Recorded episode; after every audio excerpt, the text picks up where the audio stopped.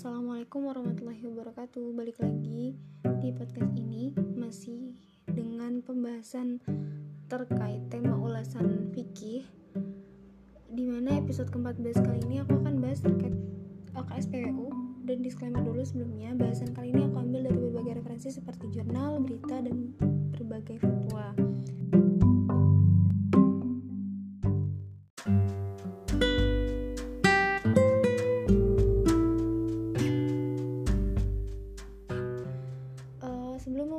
pembahasan LKSPWU aku akan mengulas sedikit terkait wakaf di mana wakaf ini merupakan uh, wakaf ini adalah zat eh menahan zat uh, benda dan memanfaatkan hasilnya atau menahan zatnya atau dan menyedekahkan manfaatnya. Di Indonesia sebelum lahirnya Undang-Undang Nomor 41 Tahun 2004, Majelis Ulama Indonesia telah mengeluarkan fatwa tentang wakaf uang Lalu berdasarkan keputusan Menteri Agama nomor 92 sampai 96 tahun 2008 telah ditunjuk 5 bank syariah sebagai LKSPWU. Uh, eh, hal ini sesuai dengan amanat yang tertera di dalam pasal 28 Undang-Undang Nomor 41 tentang wakaf. Namun per dat, uh, data per 24 Juni 2021 telah terdapat 25 lembaga LKSPWU yang sudah mendapat izin dari Menteri Agama.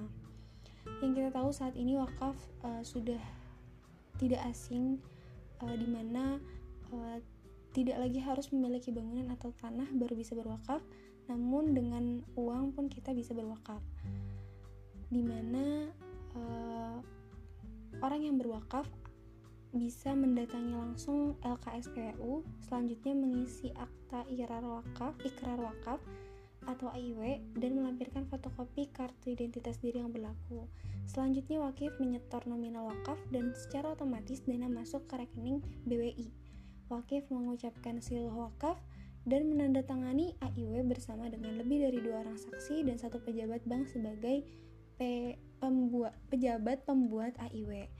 Uh, pada akhirnya LKSPWU ini akan mencetak sertifikat wakaf uang dan LKSPWU akan memberikan AIW dan SWU ke wakif di mana dari hasil investasi uh, dan investasi syariah wakaf uang tersebut uh, sebanyak 90% akan dimanfaatkan untuk program pendayaan umat dengan membagikannya kepada penerima manfaat wakaf yaitu mauquf alaih dan sedangkan uh, 10% lainnya akan digunakan oleh nazir sebagai pengelola aset wakaf. Untuk mengetahui hukum fikih dari LKSPU ini hmm, kita harus mengetahui dulu usul fikihnya di mana di sini ada Quran surah Ali Imran ayat 92 yang berbunyi uh, artinya kamu sekali kamu sekali-kali tidak sampai pada kebajikan yang sempurna. Sebelum kamu menafkahkan sebagian harta yang kamu cintai dan apa saja yang kamu nafkahkan maka sungguhnya Allah mengetahuinya. Ayat ini menjadi inspirasi Umar bin Khattab untuk merelakan tanah miliknya demi kesejahteraan umat. Selain itu ada hadis riwayat dari Ibnu Umar. Uh, ia berkata, Umar pernah berkata kepada Nabi SAW, saya mempunyai 100 saham yaitu tanah dan kebun di Khaybar. Belum pernah saya mendapatkan harta yang lebih saya kagumi melebihi tanah itu dan saya bermaksud untuk menjedekahkannya. Lalu Nabi berkata, tahanlah pokoknya dan sedekahkanlah buah Eh, dan sedekahkanlah buahnya pada sabilillah. Hadis riwayat Nasai. Nah dari hadis ini kita dapat menyimpulkan bahwa Nabi merekomendasikan Umar untuk mewakafkan hartanya bukan menyedekahkan hartanya.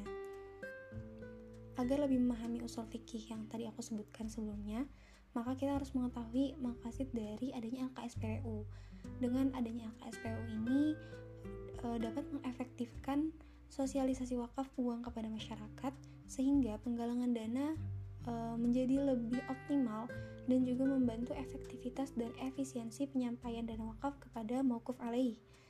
Setelah mengetahui usul, usul fikih dan makasid, maka dihasilkanlah fikih muamalah dari adanya LKSPWU ini.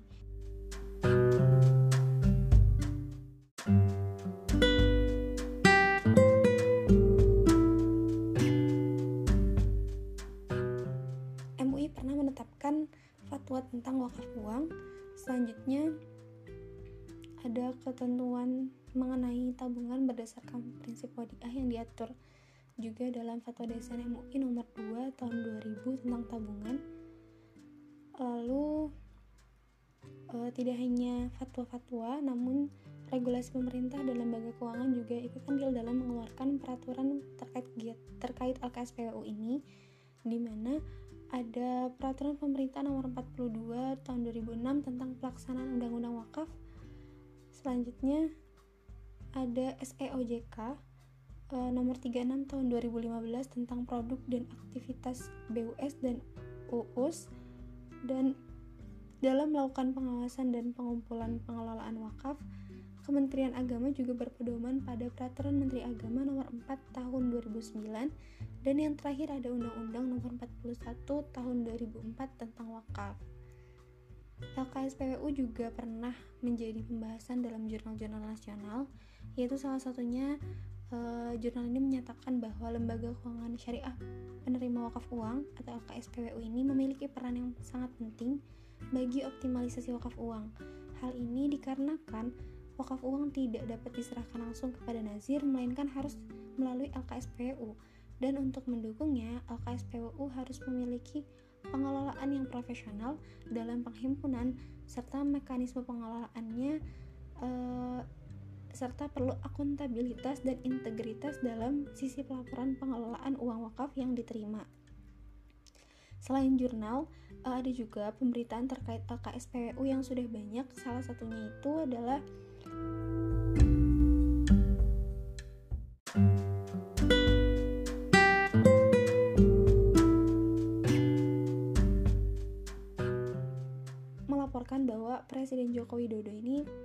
menguncurkan Gerakan Nasional Wakaf Uang di mana NWU ini mendapat respon beragam dari masyarakat terutama terkait penggunaan dana wakaf yang dihimpun.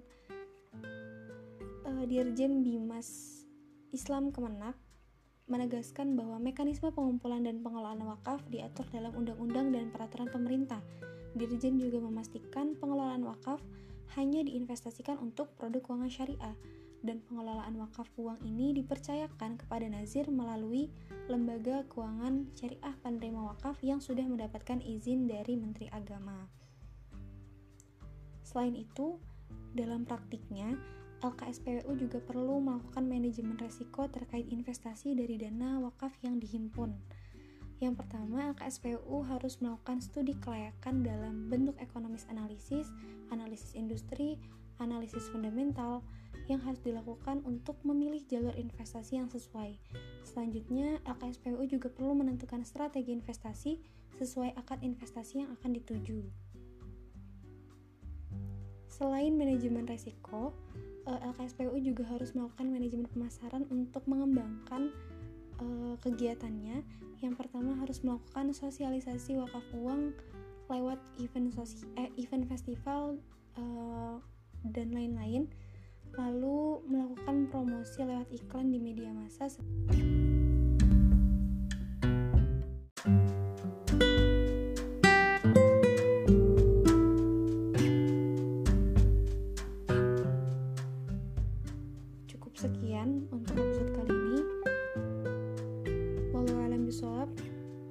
Semoga bermanfaat. Sampai jumpa di episode selanjutnya. Wassalamualaikum warahmatullahi wabarakatuh.